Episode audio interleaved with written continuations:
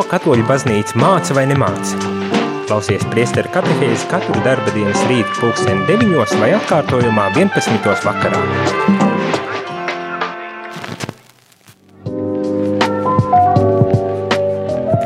Dargo radio Marija Latvija klausītāji, sakam tev labrīt, un šajā priesteru katehēzē kopā ar tevi šobrīd eh, Līva Kupfere, un mums arī attālināti pievienojies priesteris Andris Ševels, tad eh, šobrīd eh, runājam arī šajā nedēļā par, par tad misijām, par evanģelizāciju, vakar par evanģelizāciju kā tādu, dažādiem veidiem un soļiem. Šodien klausītāji tev būs fantastiski fantastiski iespējas šajā priestera katehēzē dzirdēt, kas tā tāda jaunā evanģelizācija ir, un kas tad ir tā, tādas lietas, kas, ir, ko, kas tos ietver sevī. Un atgādinu tev, ka uh, arī šoreiz, tā kā dzīvais ēters tiešraide, tad tev ir iespēja iesaistīties ar saviem jautājumiem ar, uh, un iespēja gan atsūtīt mums īziņu šeit uz studiju uz telefonu numuru 266 77 272 vai arī tad zvanīt šeit studijā tad uh, telefona numurs zvaniem 67 969 131. Arī e-pasts studija at rml.lv mums ir šeit atvērts, lai tad varētu ar tevi sazināties. Saku labrīt! Labrīt, darbie klausītāji! Jā, šajā rītā tad, tad ķersimies tad, tad klāt. Kas tad, kas tad ir tā jaunā evanģelizācija? Daudz dzirdēts tāds termins, bet, bet kā jūs skaidrot, kas tas ir līdz galam? Jā. Pirmkārt, es gribu pateikt lielu paldies par visiem zvaniem un īsiņām, ko arī saņēmu pēc vakardienas raidījuma. Un saprotu, ka šī tēma arī ir ļoti aktuāla mums E, evanģelizāciju, jo mēs runājam patiesībā par baznīcas sūtību e, šajā pasaulē, e, par baznīcas misiju. Baznīcas misija ir sludināt evaņģēliju visai radībai. Un vakar mēs runājām arī par evanģelizāciju, bet šodien mēs runāsim par jauno evanģelizāciju. Liekas, vārdi tie paši, bet ko nozīmē šī jaunā evanģelizācija, jeb uh, citvieta arī baznīcas dokumentos tiek lietots vārds atkārtotā evanģelizācija, jeb reevanģelizācija. Un e, šo terminu pirmo reizi ir lietojis Jānis Pāvils II, pāvests, kad viņš viesojās Polijā. Un tieši Krakovā, kad viņš apmeklēja tādu mm, Krakovas reģionu, pat ne reģionu, bet Krakovas tādu rajonu, ja, kur, kur bija Nova Huta saucās. Tas bija tas rajons, kuru komunisma laikā gribēja izveidot kā kur būtu fabrikas, kur būtu cilvēkiem darbs, bet kur nebūtu vietas baznīcai. Un poļi ļoti pretojās tam eh, arī komunisma laikā. 60. un 70. gados bija uzstādījuši tur krustu un arī eh, pret tā laika valdības rīkojumu, ka nedrīkst, ka mēs veidosim sabiedrību bez dieva, bez baznīcas bet eh, nu, viņiem neizdevās eh, to tā izveidot, jo eh, poļi ļoti aktīvi iesaistījās tajā, lai arī tur tiktu uzcelta baznīca un lai tiktu godināts Dievs. Un Pāvests Jānis Pavils II 1979. gadā, kad bija tajā vietā, pie šī krusta, kas, uzstādī, kas bija jau agrāk uzstādīts kā tāds simbols cīņai pret iekārtu, kura teica, ka vajag uzcelt sabiedrību bez dieva tad Jānis Pāvils II tieši tajā vietā uzrunājot klātesošos, saka, ka šodien mums ir ļoti nepieciešama jaunā evanģelizācija, jeb atkārtotā evanģelizācija. Un ar ko atšķiras eh, evanģelizācija no jaunās evanģelizācijas? Ja? Tad, eh, kā, eh, vakar mēs arī runājām, ka evanģelizēt nozīmē parādīt Kristu tiem cilvēkiem, kuri viņu nepazīst. Un šeit tiek runāts arī par to pašu, tikai tas adresāts ir cits. Ja tur tiek runāts par cilvēkiem, kuri nav saistīti, ne, nav bijuši eh, saistīti ar baznīcu, tad jaunā evanģelizācija attiecas uz kristītiem cilvēkiem, kuri ir pieņēmuši kristību bet kaut kādu iemeslu dēļ tā arī nav iegājuši baznīcas dzīvē un nav iepazinuši Kristu. Tātad e, šis adresāts nav e, nezinu, ateists vai neticīgais cilvēks vai kāds pagāns, bet e, tieši adresāts ir kristīti cilvēki, tie, kuri jau ir kristību saņēmuši, lai no jauna atkārtoti šiem cilvēkiem pavēstītu par Kristu. Un runājot par jauno evanģelizāciju, baznīcā ir bijušas gan Bīskapu sinodes veltītas šīm tēmām ir izdoti daudzi e, dokumenti, kas runā par jauno evanģelizāciju, un, un kam ir svarīgi pievērst uzmanību e, tieši šīm grupām, cilvēku grupām, uz kuriem attiecas šī atkārtotā evanģelizācija. Un mūsu draudzēs, e, katrā draudzē, ir trīs veida grupas.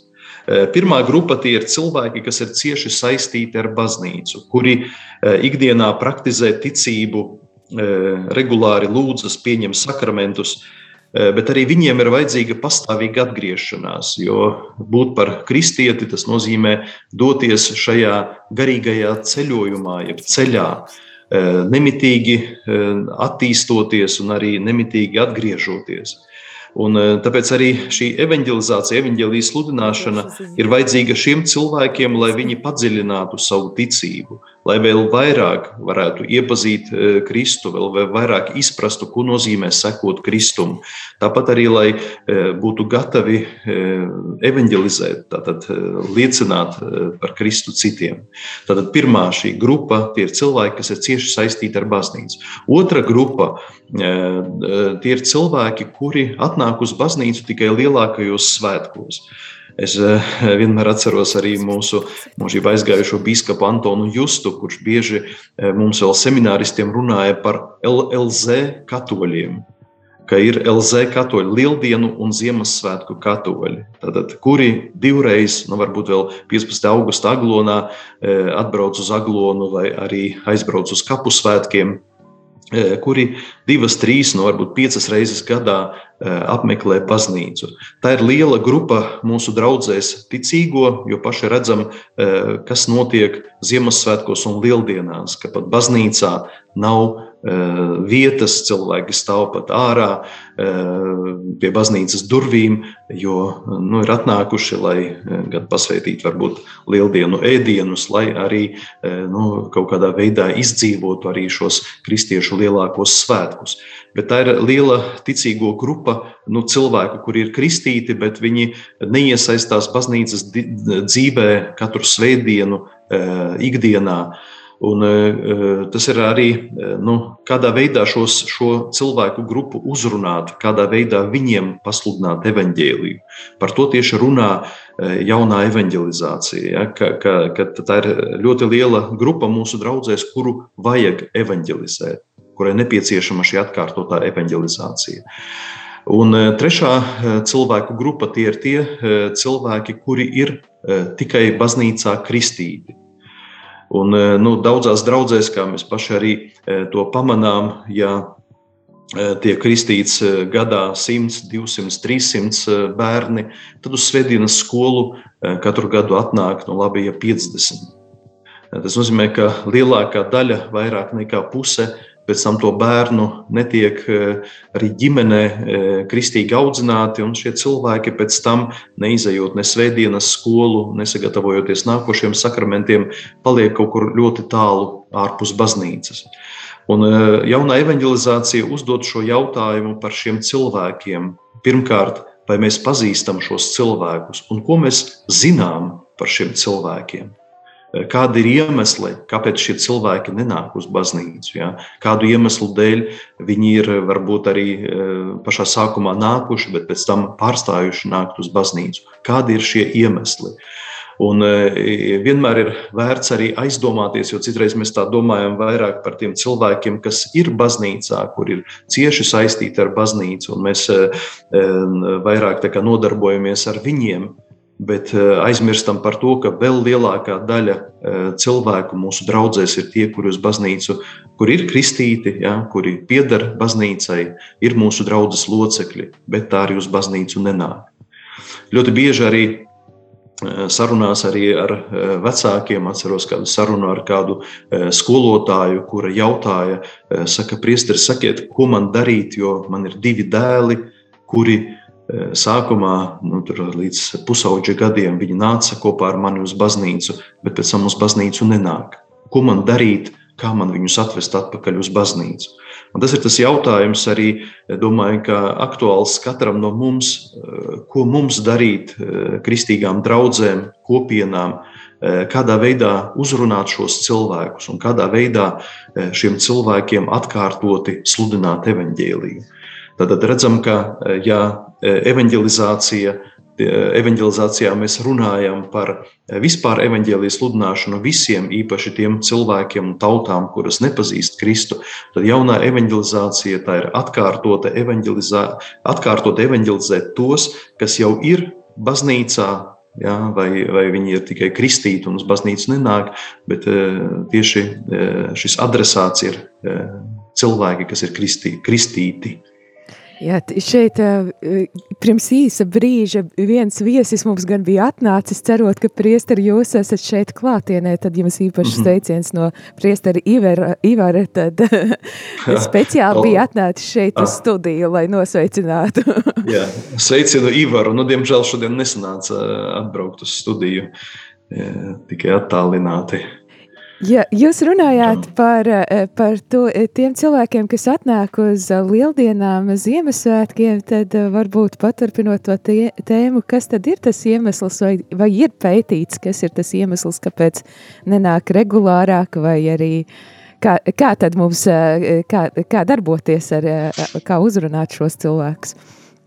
Jā, protams, kad pirmkārt ir labi būtu, kad arī mēs savās draudzēs, kopienās arī pārdomātu par e, to, to, kādi ir šie iemesli, kas cilvēkus attālina no baznīcas.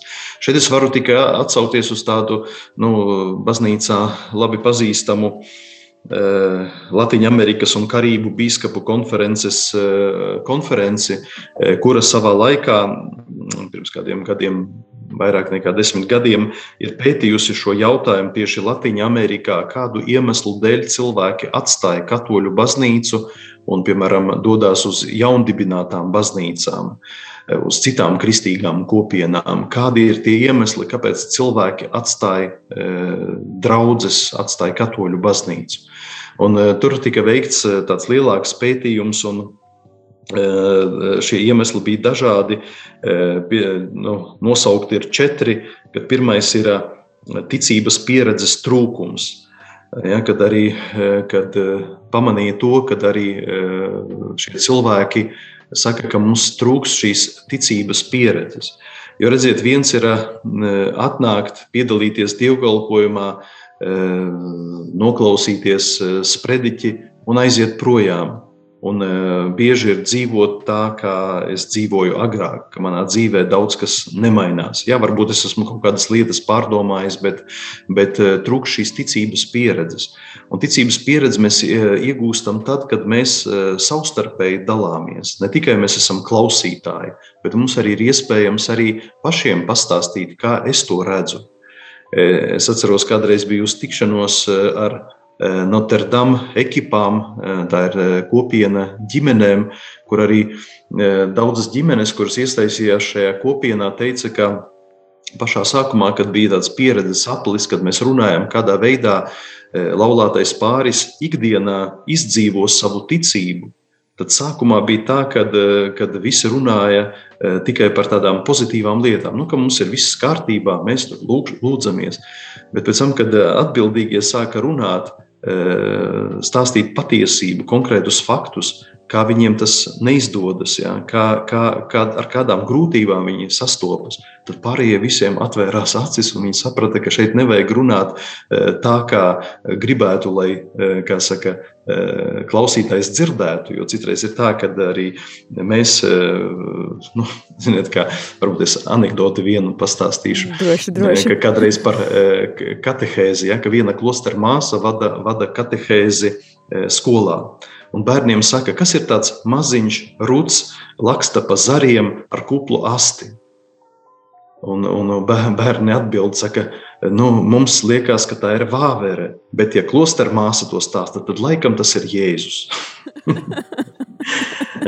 nu, tādā ziņā, kad, kad bieži mēs varbūt arī atbildam, jā, varbūt esam mācīti tā skolā atbildēt, lai atbildētu tā, kā grib dzirdēt skolotājs, jā, vai kā grib dzirdēt priesteris, vai kā grib dzirdēt ticīgie cilvēki pareizi atbildēt. Bet bieži tas pareizi neatbilst mūsu realitātei, ka realitāte ir nedaudz savādāka.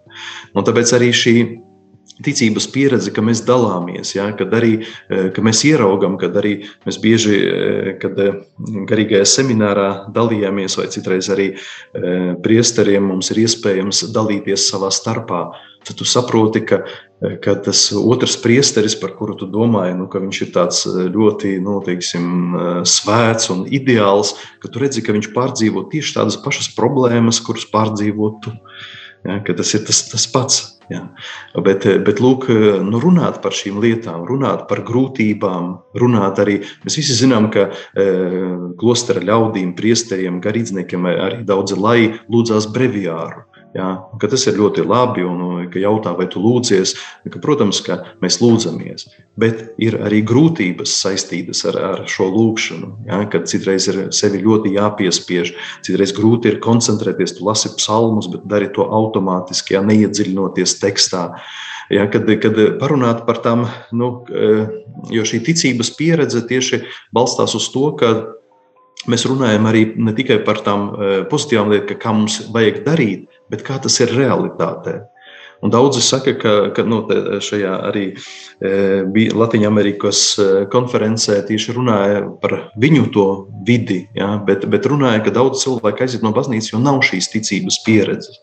Ja, runā par to, kā, kā, kā vajag būt, bet nerunā, kā tas ir.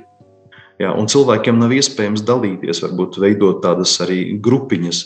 Jo, piemēram, arī kad e, baznīcā veidojās Eh, klosteru kopienas, ja, kas sākumā bija eh, klosteri ļoti lieli.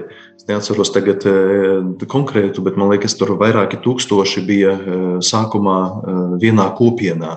Pēc tam gan Benedikts, gan Bazīlijas austrumu baznīcā viņi saprata, ka kopiena nevar būt lielāka par 12 brāļiem vai māsām ka vajag veidot nevis tūkstošu eh, locekļu kopienu, ja, bet šīs mazās kopienas, kur ir ne vairāk par 12 eh, teiksim, eh, locekļiem. Ja, nu tas tā ideāli, jo tad, tad tu konkrēti sastopies ar to, ka ir grūti pieņemt otru cilvēku, ar kuru tu esi ikdienā. Ja, tas tev palīdz arī augt, attīstīties, pārvarēt kaut kādas lietas, sevi mainīt. Eh, arī eh, piedot otram cilvēkam. Jo viegli ir mīlēt visu pasauli. Ja, bet grūti ir mīlēt brāli un māsu, kas tev šodien ir blakus, ar kuru tu katru dienu e, esi kopā un kurš varbūt atkārto vienas un tās pašas lietas, vai, vai kaut kādas lietas tās pašas dara. Ja, kad, kad mm, ir tā, tie paši vājumi cilvēkam, ja, un tev ir grūti to otru cilvēku pieņemt. Bet tur tieši šādā ikdienā cilvēkam ir iespējams augt Eh, gan ticībā, gan šajā ticības pieredzē. Tad eh, otra lieta, kad eh, katoļu baznīcā Bībele nav savā vietā. Kad cilvēki dieva vārdu nezina, un, ja nezina, tad arī pēc tā nevar dzīvot.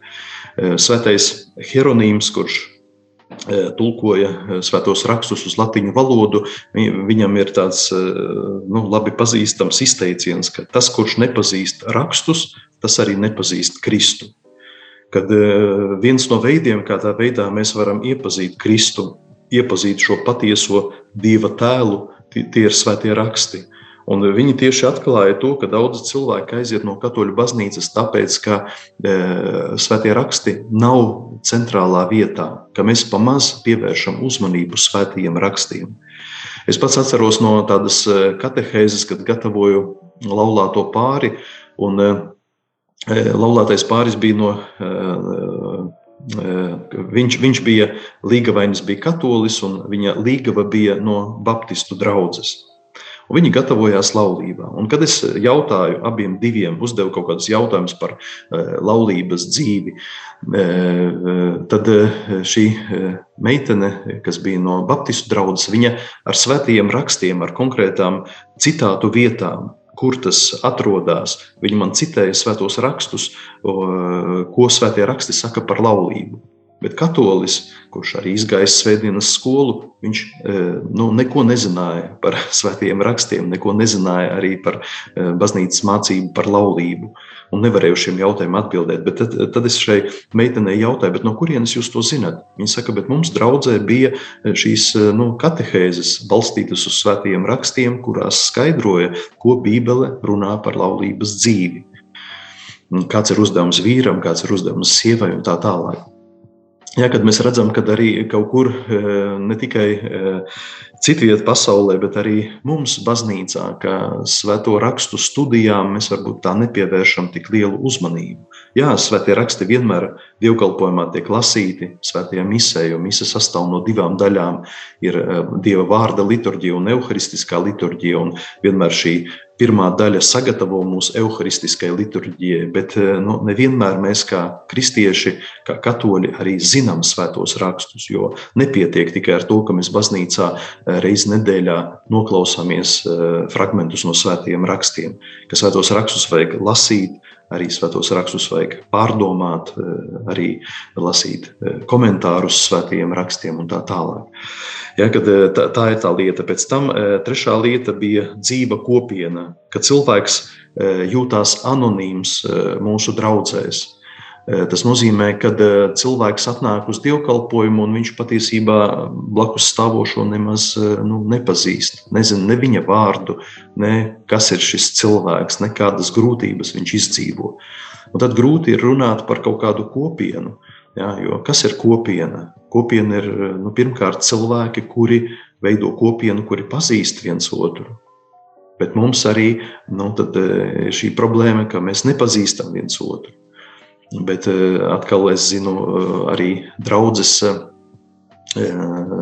tie paši baptisti vai adventisti vai kādas arī citas draudzes, kur interesējas viens par otru un, un zvana cilvēki un jautā, kāpēc tu šodien nebija uz dievkalpojumu atnācis svētdien, varbūt kaut kas ir noticis, varbūt mēs tev kaut kā varam palīdzēt, ja, kad ir šī interese par otru cilvēku un cilvēks nav anonīms, bet cilvēks ir, ir nu, personība, kur viens otru mēs pazīstam, kur mēs viens otru varam atbalstīt.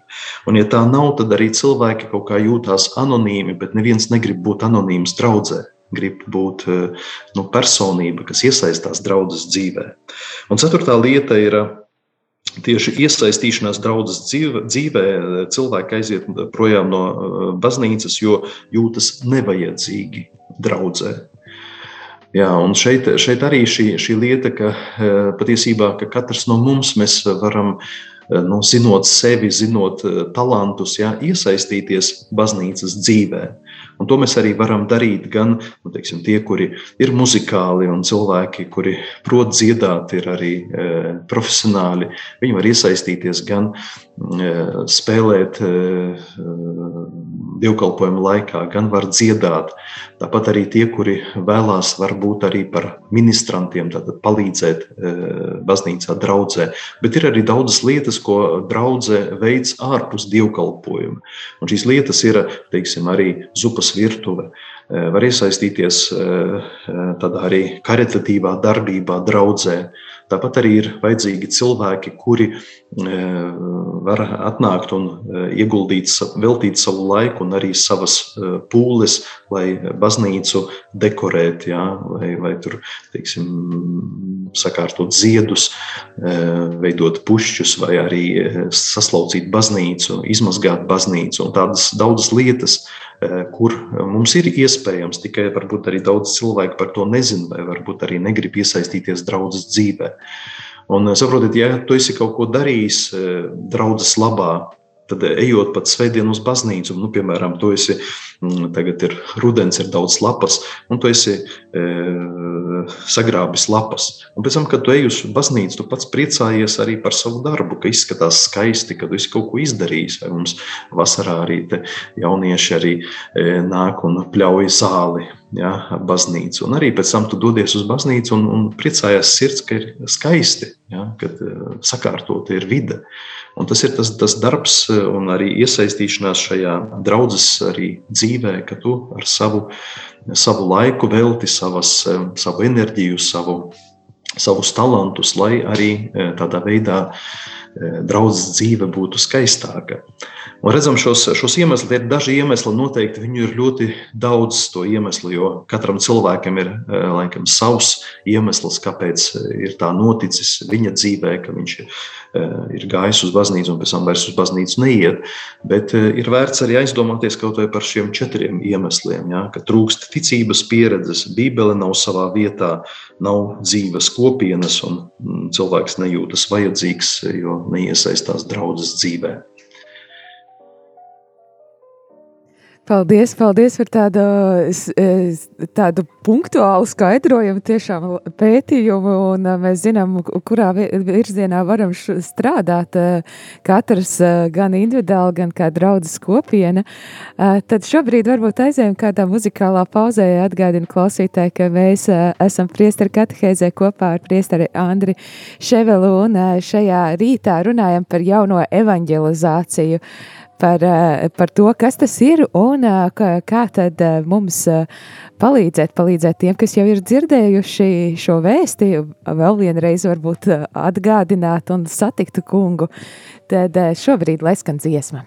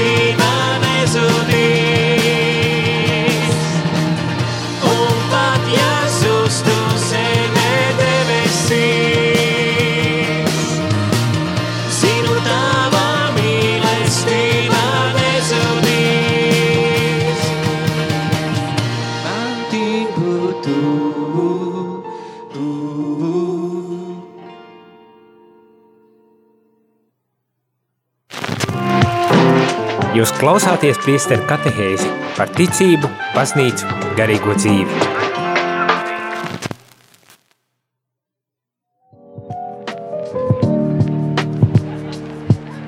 Dargo klausītāji, atgriežamies šeit, tiešajā ēterā ar priestera katehēzi, un eh, šobrīd tad mums ir arī vēl kāds zvans. Aleksandrs mūs ir sazvanījis, grib uzdot kādu jautājumu. Halo!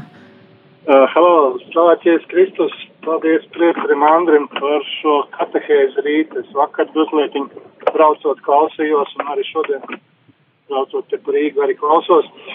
Bet man ir kāds jautājums, varbūt priekšsakam Andris varētu pateikt, varbūt no savas pieredzes, kādi būtu tie, nu, pirmie, pirmās darbības, kā varētu mēs to jauno evanģelizāciju, kā saka, uh, uzrunāt tos cilvēkus, kas ir tie lieldienas Ziemassvētku apmeklētāji, kā mēs viņus varētu uzrunāt, kā, kā pareizi būtu to darīt, lai, kā saka, viņus nenobiedētu un neatraidītu, lai viņi saprastu, ka viņi ir vajadzīgi, nu, nu, viņiem, kā viņus uzrunāt to, to principu, to darbību kaut kādu, kā viņš, kā viņš to redz, kā to vajadzētu darīt. Ja mēs dzirdam to visu to evanģelizēt, evanģelizēt, bet, bet, kā saka, nav tā, varbūt tā programma kaut kāda, kā būtu tā darbība vajadzīga. Un priestars Ānis varētu kaut kā padalīties ar to. Jā. Aleksandra, paldies par zvanu un par to, ka tu arī esi cilvēks, kurš visu laiku esi ceļā, kaut kur brauc, bet arī ne tikai fiziski, bet arī garīgi, arī, arī iesaisties šajās lietās un ka tev interesē arī šī tēma. Protams, ka šīs, šīs, par šīm lietām ir runāts ļoti daudz. Mēs šajā otrajā, varētu teikt, celienā katehēzes gribam runāt par pastorālo atgriešanos, kad mums draudzēs ir vajadzīga nu, pastorālā darba ja, atgriešanās. Tas nozīmē, ka mainīt, atgrie, vārds atgriešanās ir grieķu vārds metanoja, nozīmē mainīt domāšanas veidu, mainīt savu mentalitāti. Vēl arī ir otrs vārds, kas saistās ar atgriešanos, tas ir epistrefos, nozīmē mainīt virzienu. Kā arī mums, mūsu draugzēs, ir pirmkārt ir vajadzīgi cilvēki, jo priesteris viens, viņš neko izdarīt daudz nevar.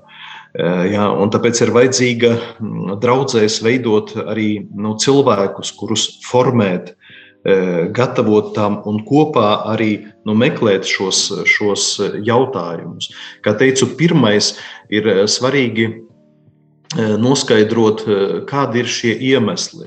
Vai mēs pirmkārt pazīstam šos cilvēkus, kas neiet uz baznīcu, vai mēs kaut ko zinām par viņiem, uh, Un arī var eh, nu, noskaidrot, kādi ir tie iemesli, kāpēc šie cilvēki neiet uz baznīcu. Kā teicu, es nosaucu četrus tikai iemeslus, bet eh, šo iemeslu ir daudz eh, vairāk. Varbūt cilvēks jūtās aizņemts, viņam nav laika, varbūt viņam dievkalpojumi ir garlaicīgi. Un tur izējot no šīm, šīm konkrētām arī lietām, nu, meklēt, meklēt eh, šos veidus un risinājumus kādā veidā, jo šeit nav tādu. Eh, nevaru teikt tādu, nu, ka ir kaut kāds eh, metode, ja, to metodi lietosi un noteikti visi cilvēki atgriezīsies. Tā, tā tas nav. Bet pirmkārt, ir svarīgi, lai mēs apsēstos ja, un draudzē pirmkārt sapulcinātu cilvēkus, kuri vēlas to darīt. Jo es te minēju arī to skolotāju, kura man uzdeva jautājumu, e, ko man darīt, lai e, mani bērni, e, dēli, kuriem ir pieauguši cilvēki, viņi vairs nenāk uz baznīcu, ko man darīt, lai viņus atgrieztu atpakaļ baznīcā. Un redzam, šeit, šeit tā ir mammas sirds, ja, kurai sāp sirds par to, kas notiek ar viņas bērniem. Viņu interesē tas ne tikai, lai e, baznīcā būtu vairāk cilvēku, bet viņiem, viņai interesē e, no bērnu dzīve, jo viņa mīl savus dēlus un grib dot viņiem to, kas ir pats labākais. Ja, un uzdot šo jautājumu, un arī šīs atbildes. Es atceros, kad klausījos vienu interviju ar polijas biskupu, kurš bija nu, šogad bija Adlimina apostolorum, Tātad biskupu vizīte Romā pie pāvesta un sežot kopā ar pāvestu tādā nu, šaurākā lokā, biskupa un pāvests, tad daudzi biskupi uzdeva jautājumu, ko darīt, kad mazinās aicinājumi, ko darīt, kad cilvēki aiziet no baznīcas projām, nenāk, teiksim, ko darīt tagad pēc pandēmijas, kad cilvēku ir daudz mazāk baznīcā, ko darīt. Un pāvests uz visiem šiem jautājumiem atbildēja ar diviem vārdiem liecība un tuvība. Ko šajos gadījumos darīt? Liecināt ar savu dzīvi un būt tuvu šiem cilvēkiem. Jā, e- varbūt, varbūt ģimenē kāds nenāk uz baznīcu, bet ko mēs, mēs jau nekritizēsim un nemoralizēsim šo cilvēku. Un, e, ziniet, kā Citreiz parasti es saku mamām, kad jautā par pusauģiem, ko darīt, kad nu, dēls vai meita nenāk uz baznīcu. Es saku, galvenais, ka būt ļoti piesardzīgiem un nespiest to darīt, neuzspiest to darīt, ka tev, tev tavs ir pienākums, ja, ka tev, tev ir obligāti jāiet, jo vienmēr ir tā atsperes likums, jo atsperi vairāk spied, jo lielāka pretestība. Ja, šeit, šeit to, ko pāvests saka, liecība un tuvība. Tātad būt kopā ar šiem cilvēkiem, kuri nenāk uz baznīcu un ar savu dzīvi e, nu, dot liecību. Varbūt arī runāt, es esmu atgriezies teiksim, no dievkalpojuma. Es varu savas ģimenes locekļiem pateikt, es tikko biju baznīcā, cik es jūtos labi. Ja? Man uzrunāja tas un tas, ko priesteris e, runāja, vai dieva vārdā es dzirdēju vienu vārdu, kas man ļoti e, uzrunāja. Ja? Un, un dalīties ar to Mums citiem. Nevis, nevis uzspiest, bet vienkārši, nu, ka tev jāiet uz baznīcu, ko, ko man dod iešana uz baznīcu, ko man dod eh, piedalīšanās dievkalpojumā. Tāpēc šeit, šeit eh, atbildot vēl, vēlreiz uz Aleksandra jautājumu, ka šeit eh, vienkārši ir svarīgi mums nu, ka būtu cilvēki, kuri, kuri deg par to, ja, kuri, kuri grib nu, citiem palīdzēt, atrast šo ceļu pie dieva. Jo tā, tā ir mūsu arī identitāte, ja, kristiešu identitāte, jo māceklis ir tas, kurš arī ir ieinteresēts, ja, lai citiem palīdzēt atrast ceļu pie, pie dieva. Un nav tādas nu, teiksim, gatavas programmas. Eh, programmu ir daudz, jā, bet programmas centrs ir, protams, Kristus, eh, kurš eh, glābīja cilvēku, kurā ir šī pestīšana. Bet nu, tādas, tādas ļoti konkrētas, pa soļiem izstrādātas programmas, tad ir nu, tādas programmu, programmu vajag, vajag meklēt, pašiem veidot. Jā, mums jā, ir vēl jautājums, kāds jautājums. Zvanītājs, es ceru, ka varbūt uh, ir izdevies uh, pagaidīt. Halo, kas mums sazvanījis? Jā, slavēts Kristus. Mūžīgi mūžos. Mūžam. Uh, Mareks uh, Savickis ir sazvanījis, jā. Prieks dzirdēt. Bet es, jā, bet es uh, iepriekš laikam bija kāds uzdevis jautājumu, bet uh, ne, nedzirdēju to jautājumu. Bet paldies jā, par šo tematu. Paldies arī, kā vienmēr, arī interesanti ir klausīties. Un es varbūt bišķi gribēju padalīties un, un varbūt arī no priestara dzirdēt tā, viņa skatījumu. Man liekas, ka tā a, a, problemātika, kāpēc cilvēki neiet, protams, ir ļoti daudz, bet a, mūsdienu cilvēkam ir vajadzīgs tā kā apmēram konkrēts piedāvājums. Ko piedāvā man baznīca? Un man liekas, ka tie kristieši, kas tā kā nav uh, Lieldienas Ziemassvētku kristieši, uh, viņiem tomēr jau ir tā personīgā tikšanās ar Jēzu notikusi, teiksim, lūkšanā vai ne, un dzīvē.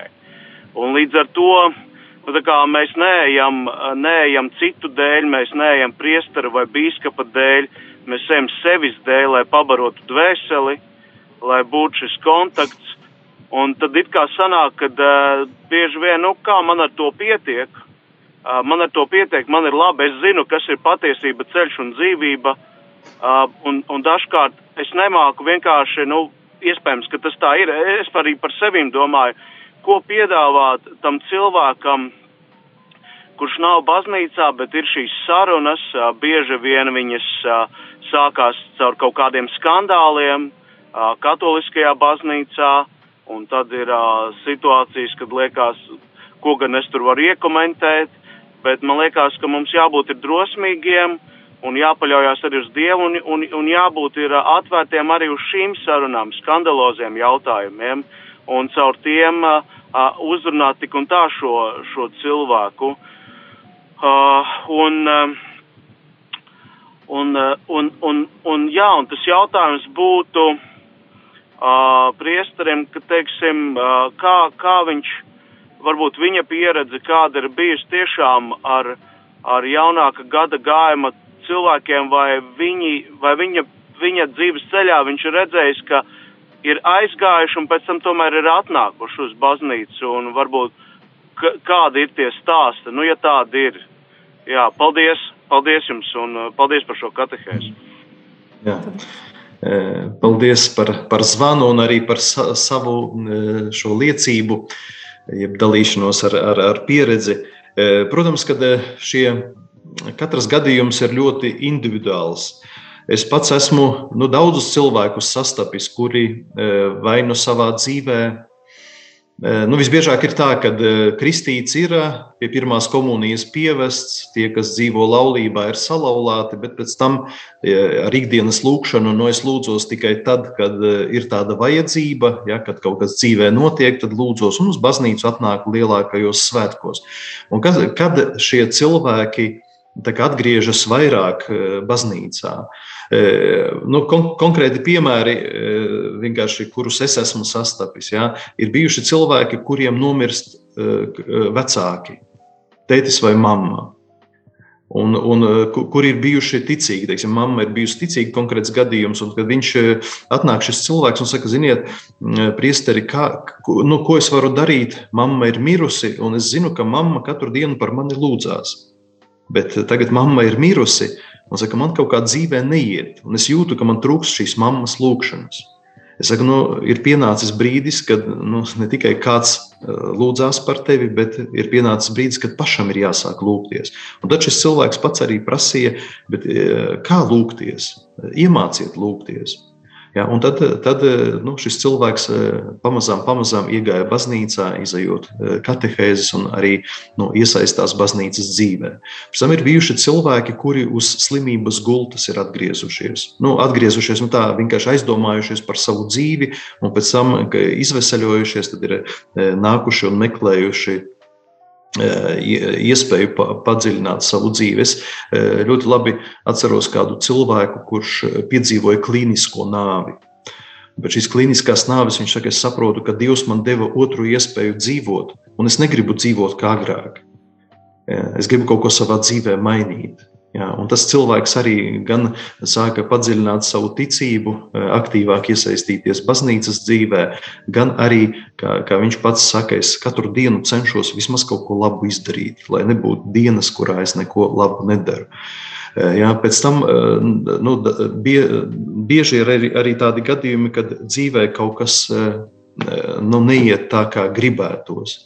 Bija cilvēki, kaut kur mūsu, eh, pēc mūsu traknajiem gadiem, tas kaut kur mm, ap 2008. gadu, kad daudz cilvēki zaudēja eh, savu biznesu. Jā, bija turīgi cilvēki, vai tur viņa draugs, eh, teiksim, bija tādi arī gadījumi, kad kāds draugs viņu nu, piemā, piemānīja vai atņēma biznesu, jā, vai, vai, vai kaut kādi citi bija lietas, un cilvēks saka, es esmu tādā bezizējā. Viņš atnāk uz baznīcu un arī e, lūdz, nu, ko baznīca varētu viņam piedāvāt.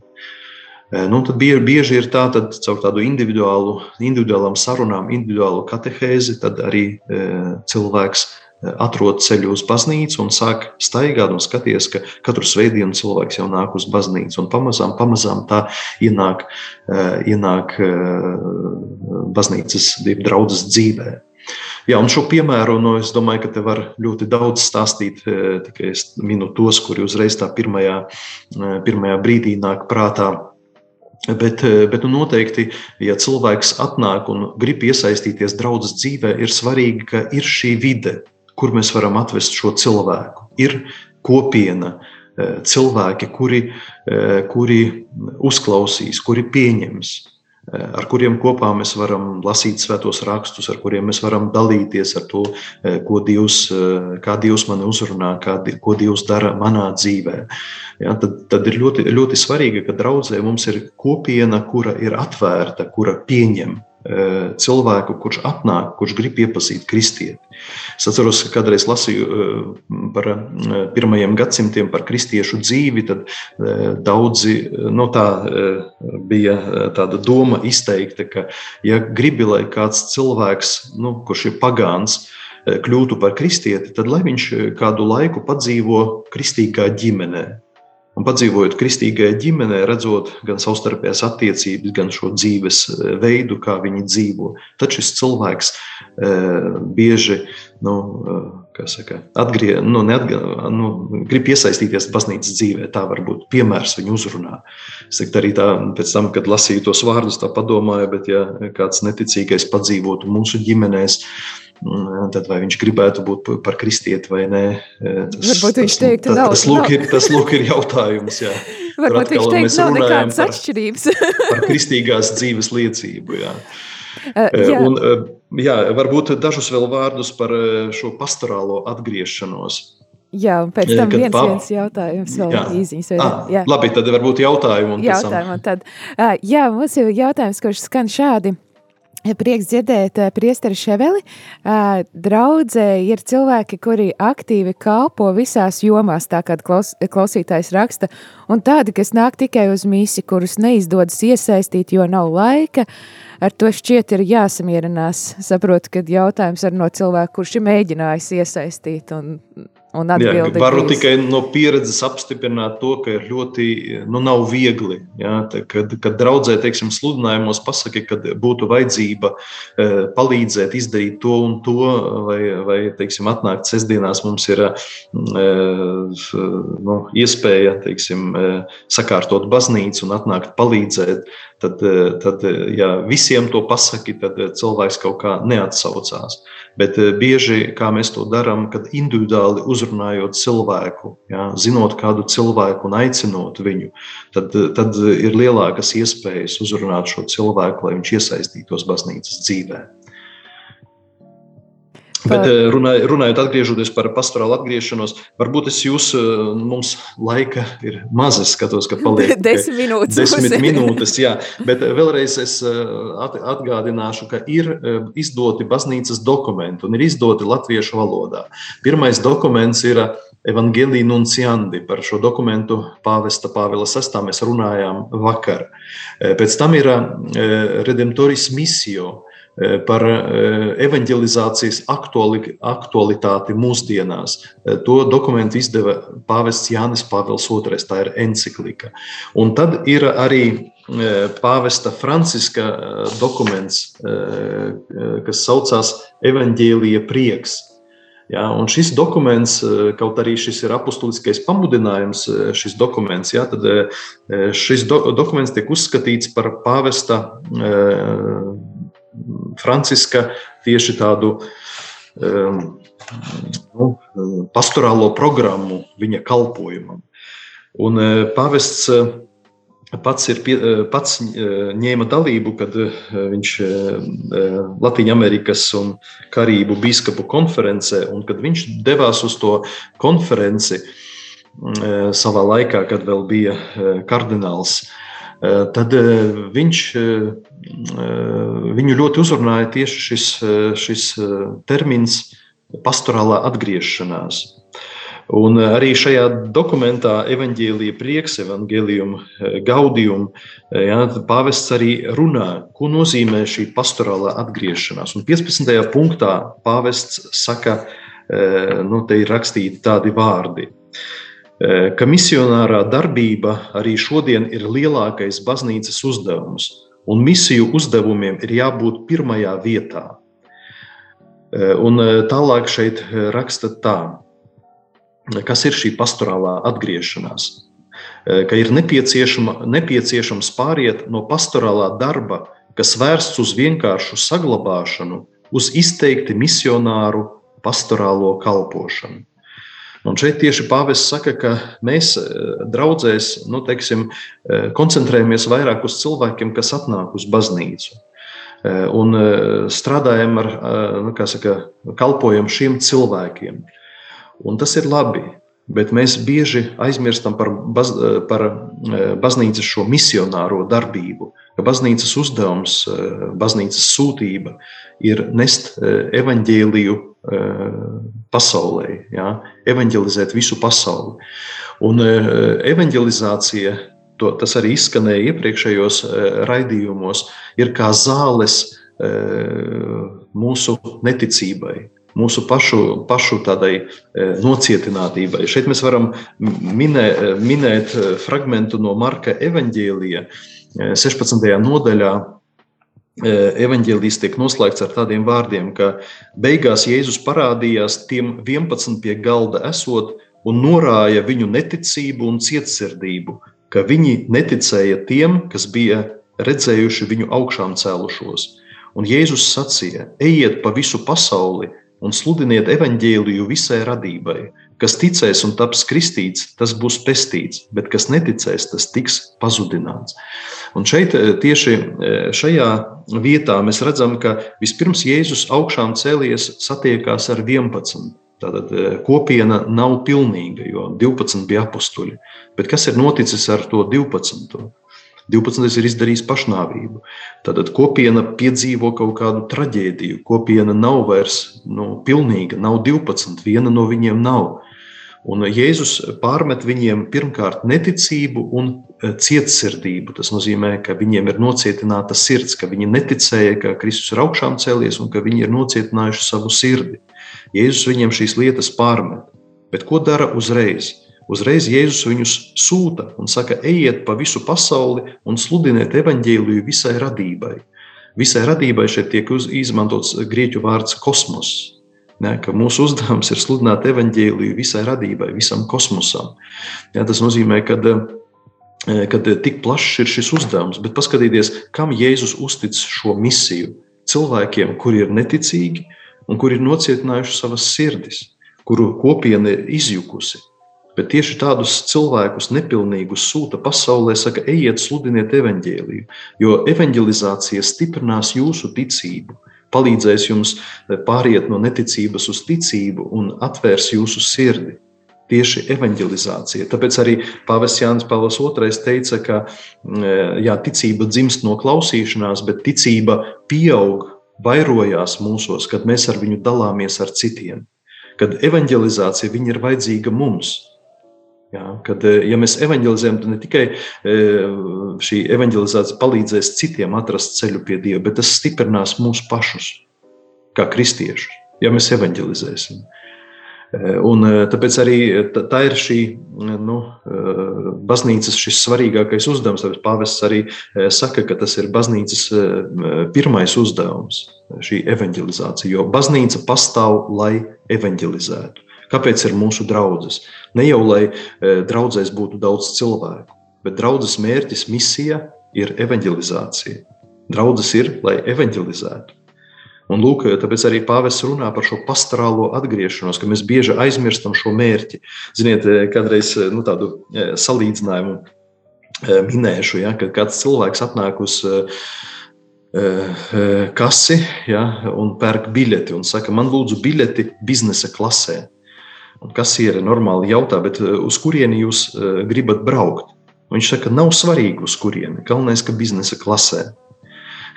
ka cilvēkam ir svarīgs ir kaut kāds komforts, jā, bet viņš nezina mērķi. Jā, viņš grib eh, dzīvot komfortā, bet dzīves mērķi viņš nezina. Jā, ka man vienalga, jā, uz kurieni jā, galvenais, kad būtu biznesa klasē. Un tāpat arī, arī baznīcē mēs citreiz esam kā, vairāk koncentrējušies uz sevi, bet aizmirstam, ka mūsu, kāds ir mūsu uzdevums, kāda ir mūsu misija. Bet baznīca pastāv, lai evanģelizētu lai sludinātu evaņģēliju.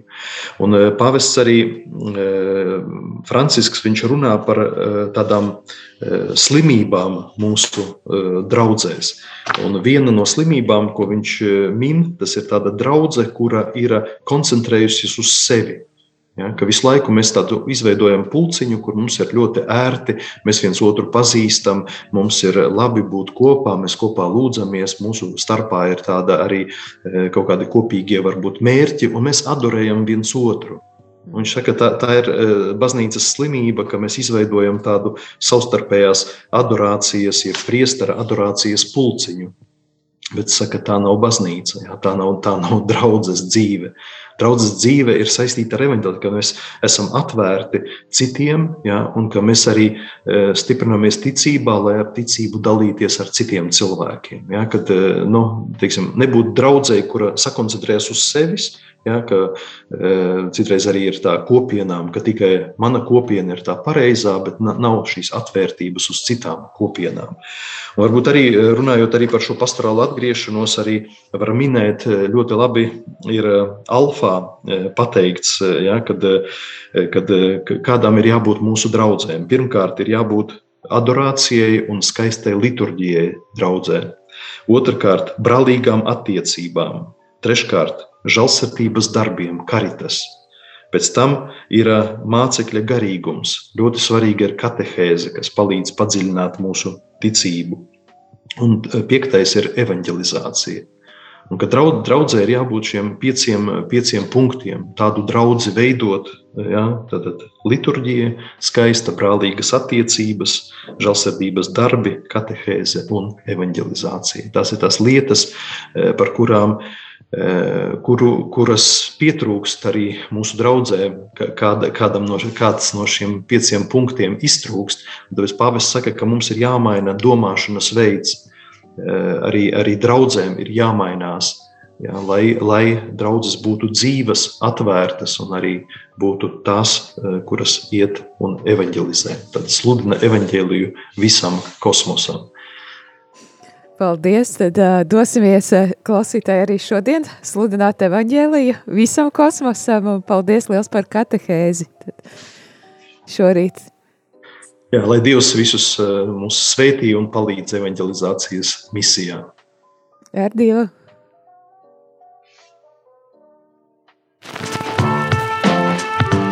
Jūs klausījāties priesteri katehēzi, kas ir iespējama pateicoties jūsu ziedojumam. Paldies!